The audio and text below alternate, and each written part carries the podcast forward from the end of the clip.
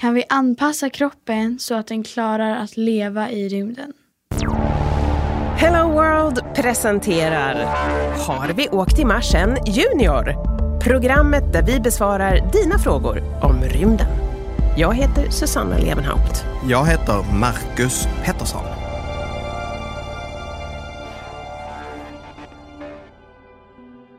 Rymden är en ganska ogästvänlig plats för oss jordbor.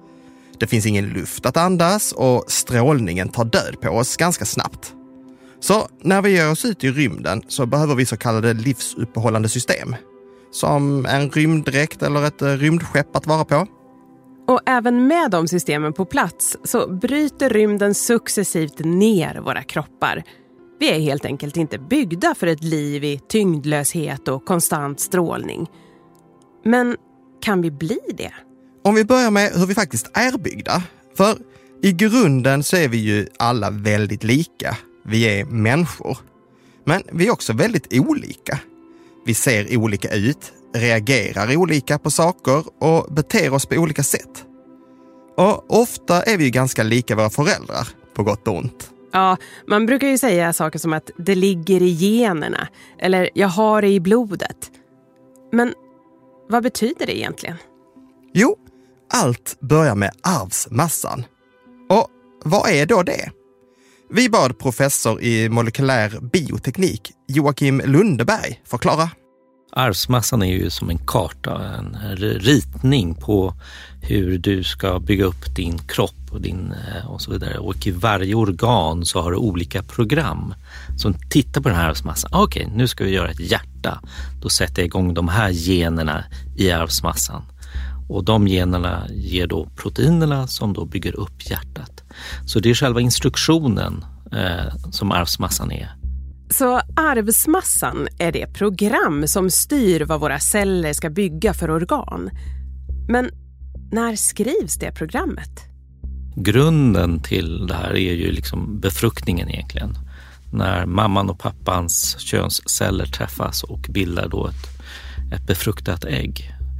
Eh, från det så finns det då olika program under själva tillväxten eh, som gör att, att under en viss fas i utveckling så slås ett program till som då bildar hjärtat eller bildar hjärnan eller bildar de olika organen.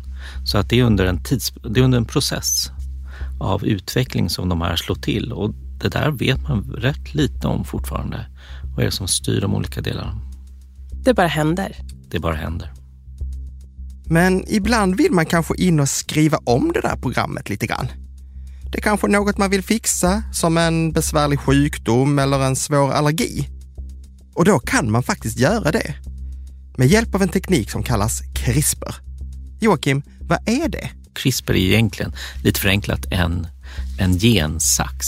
Det är den bästa beskrivningen av CRISPR-systemet.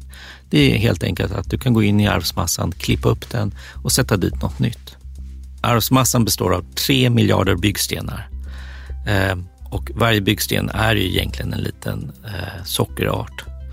Eh, men i och med att hela arvsmassan är relativt unik i sin kombination av de här byggstenarna så kan man med gensaxen väldigt precis säga var i arvsmassan där man vill göra en förändring. Eh, och då kan den då känna igen en viss sekvens av de här byggstenarna och klippa upp den och ersätta den med någon annan typ av Eh, Eh, byggsten och på det sättet korrigera om du har en mutation i arvsmassan. Så kan du faktiskt byta ut den sjuka DNA-strängen till en frisk DNA-sträng. Det låter ju rätt enkelt. Man går in och klipper och klistrar lite bara. Men tänk på hur pyttelitet det här är. För hur ser den där DNA-strängen som du pratar om ut? Arvsmassan är en helix. Det är ju liksom vad vi har lärt oss i skolboken. Och det är den här eh, spiralformen som vi kan se framför oss. Precis. Byggstenarna kan du egentligen se som ett lego. Lego med fyra olika färger. Det är våra fyra olika byggstenar.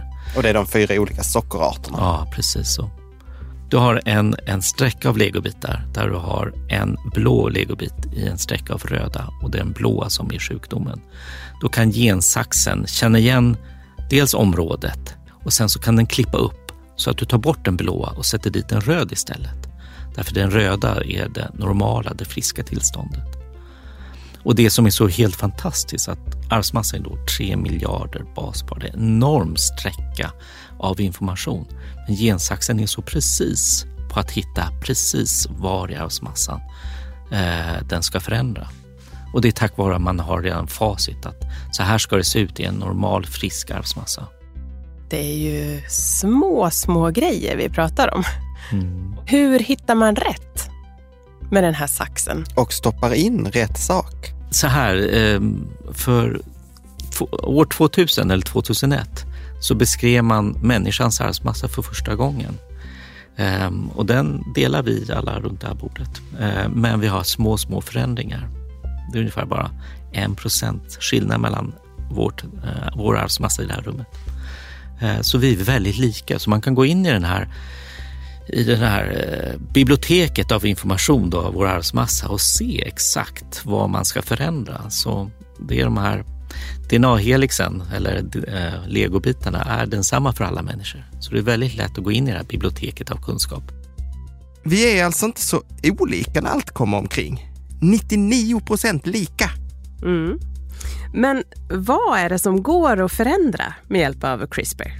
Um, ja, det, det, första som man tänker på är ju naturligtvis sjukdomar.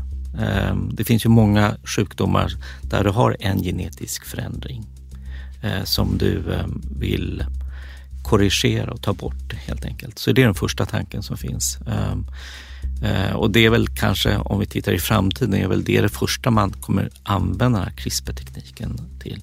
Det är att korrigera sjukdomsmutationer.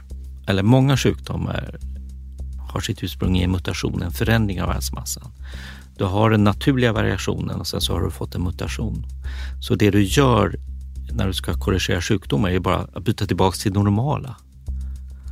Så det är inte så svårt. Det, du vet ju att hela din kropp kommer klara av den normala varianten eh, om du tar bort det.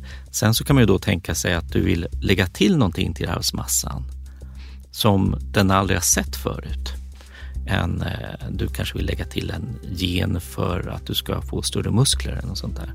Det är då vi börjar prata om att vi rubbar det här ekosystemet som vi inte riktigt vet vad som händer.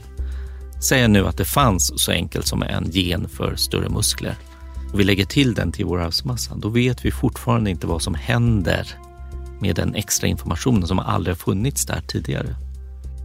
Nej, men vi tar det steget ändå. För vi ska ju åka ut i rymden. Precis. Jag är i rymden, mina muskler kommer förtvina mm. i tyngdlösheten. Mm. Är det möjligt då att med hjälp av gensaxen gå in och fixa så att mina muskler klarar sig bättre? Jag tror att du kommer vilja prioritera var du ska förändra dig. Eh, musklerna just kan du ju faktiskt eh, sätta upp en träningscykel under hela din resa upp till eh, Mars och träna två timmar per dag då kommer du inte behöva en gensax för dina muskler, men du måste träna varje dag. Ja, Okej, okay. det, det, det, är ett bättre val. Det är ett bättre val, därför då slipper du det här. Vad, kommer det här innebära?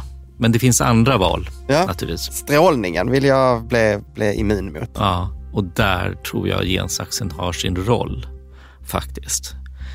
Um, därför strålningen, eh, cancerpatienter blir ju strålade ta död på celler. Så naturligtvis går vi ut i rymden där vi har mycket mer strålning så kommer strålningen påverka vår arvsmassa. Så den måste vi skydda på något sätt. Så det här ser jag ändå en möjlighet för CRISPR på sikt att kunna hjälpa till en rymdfärd till Mars. Och det är att förbättra vårt sätt, kroppens sätt för strålning. Och det skulle, det är liksom möjligt? Ja, um, inte idag, men på sikt så tror jag att vi kommer ha mer kunskap hur vi bättre ska kunna, kunna klara av strålning.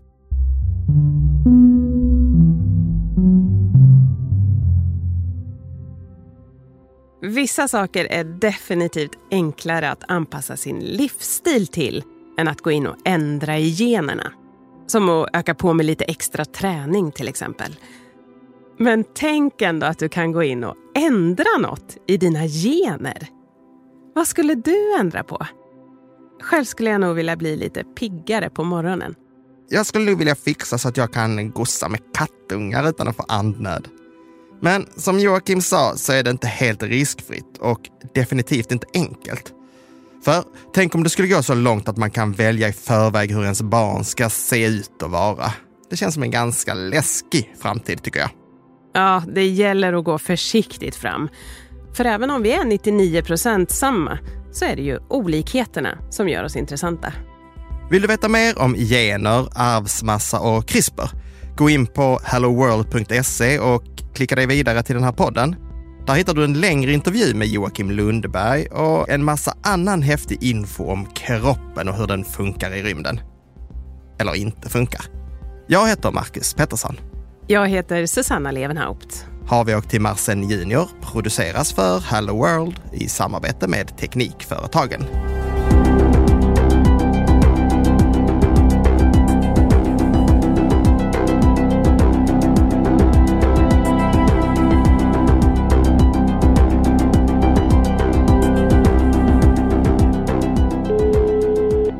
Hallå?